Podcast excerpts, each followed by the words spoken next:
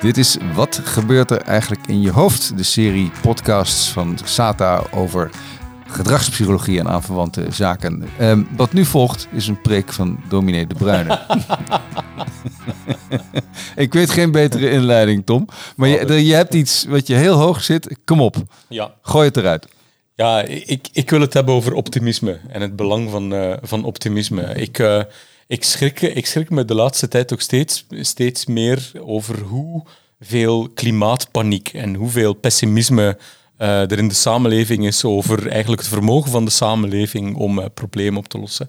En ik, ben, eh, ik denk dat het, dat het eigenlijk ontzettend rationeel is om eigenlijk heel optimistisch te zijn over de toekomst. En dat wil ik proberen ook te beargumenteren. Probeer, ga je gang.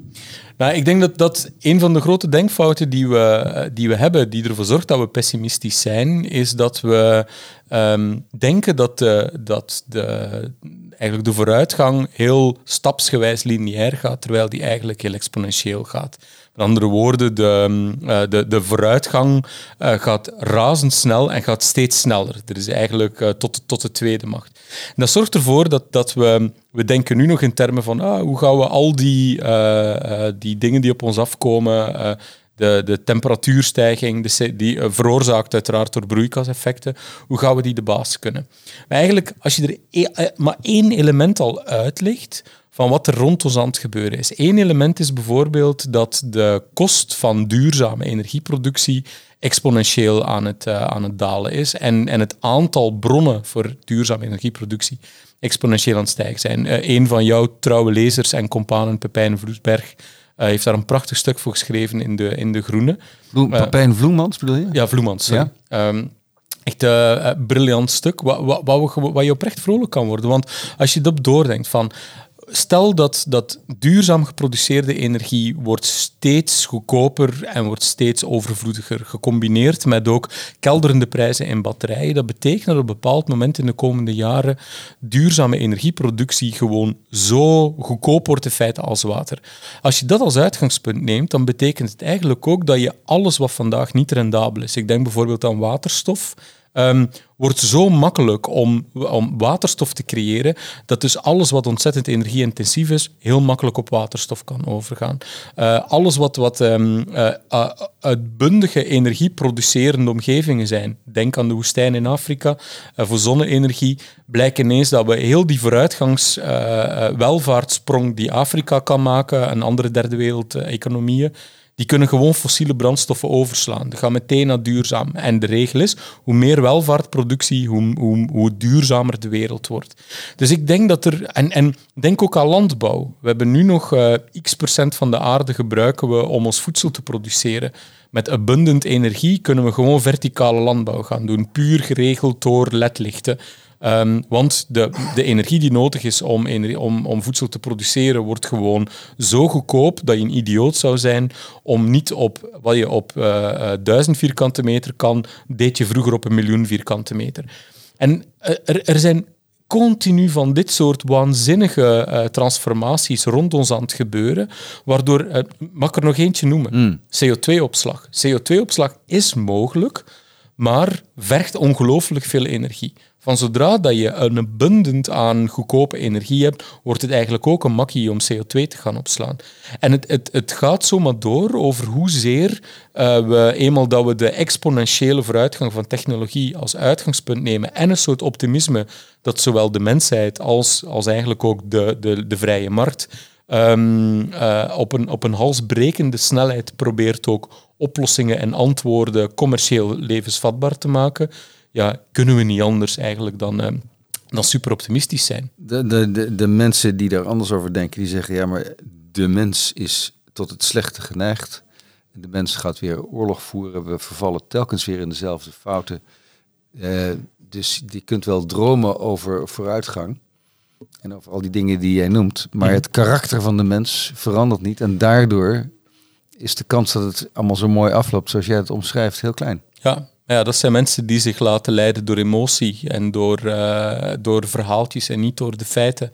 De wereld is eh, duizend keer veiliger geworden sinds, ehm, sinds de voorbije 50 jaar, sinds de voorbije 100 jaar. De wereld is duizend keer welvarender geworden. Als je vandaag van de bijstand leeft, heb je een rijker en welvarende lever van, dan leven en lever dan, eh, dan de Bourg- Bourgondische hertogen tijdens de middeleeuwen. Dus eh, die, die observatie over de slechtheid van de mensen is, is echt absolute bullshit. Karl Popper die zei: Het is onze plicht om optimistisch te zijn. Zelfs. Ja.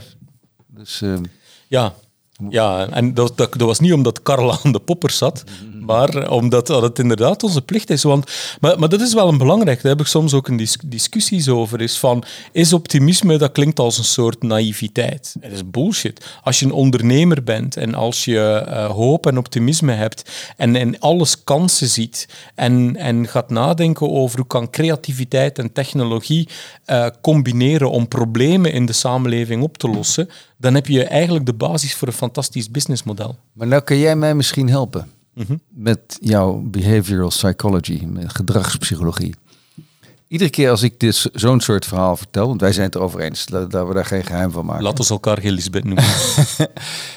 dan kom je mensen, die komen telkens weer terug met hetzelfde verhaal van ja, eh, dat zal wel, maar, maar kijk nou naar de cijfers en kijk nou naar het IPCC over het klimaat en, het, en, en kijk nou naar de gletsjers die smelten en de, de ijsbergen die smelten en eh, je ziet toch dat er allerlei dingen misgaan op dit moment. Hoe kun je nou je kop in het zand steken? Ik, want hoe ga je daarmee om? Ja, maar dat, dat is dus... Ik heb, ik heb zelf een gevoel dat het meer re- religie wordt Ja, klopt.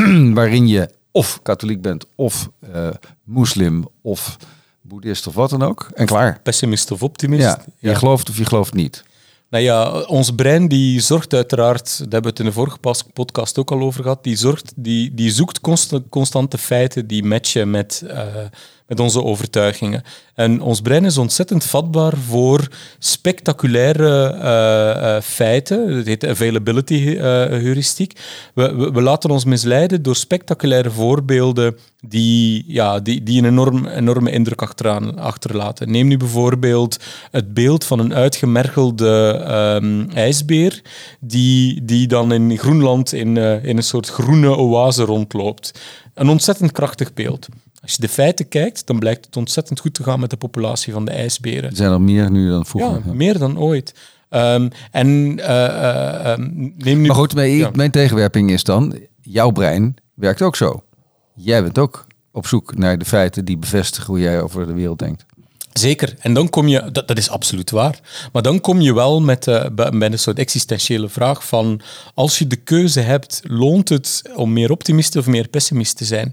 En dan denk ik dat zowel de wereld beter wordt van optimisme, jezelf beter wordt, en vooral, eh, en dat is de reden waarom ik van Facebook gegaan ben, je wordt gewoon ook een leuker mens voor anderen. En Wat heeft Facebook daarmee te maken? Nou, is dat, eh, dat ik eh, echt knettergek werd op Facebook van eh, het aantal mensen die gewoon continu Facebook gebruikten om een soort hun kwaadheid ten opzichte van de overheid, ten opzichte van het coronabeleid, echt elke dag opnieuw. En ik dacht alleen bij mezelf van, je kan misschien wel denken dat je gelijk hebt, maar ik vind je gewoon een ontzettende lul geworden.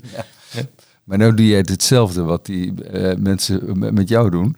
Eh, die zeggen, ja, die hopeloze optimist, die de bruine, die wil alleen maar de goede dingen horen. En die steekt zijn kop in het zand als er een keertje slecht nieuws is. Want availability heuristic.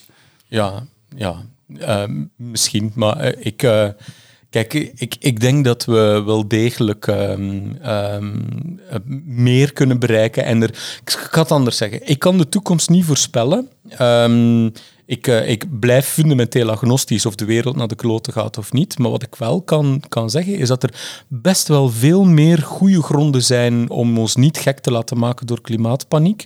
Maar eigenlijk juist zelfs optimistisch kunnen zijn dat de toekomst er misschien nog veel mooier gaat uitzien als vandaag. En ik hou me eigenlijk wel liever vast aan die argumenten dan aan, eh, aan al die nonsens. En jij zegt het is rationeel om optimist te zijn. Ja. Ja, omdat als we eh, universele wetten, zoals exponentiële vooruitgang van technologie en het vermogen van de markt om razendsnel oplossingen te bedenken in, in ogenschouw nemen, het idee van versnelde technologieën, eh, dan zie ik inderdaad wel heel goede rationele gronden dat als deze lijn zich doortrekt, dat we ontzettend veel lol gaan beleven de komende jaren.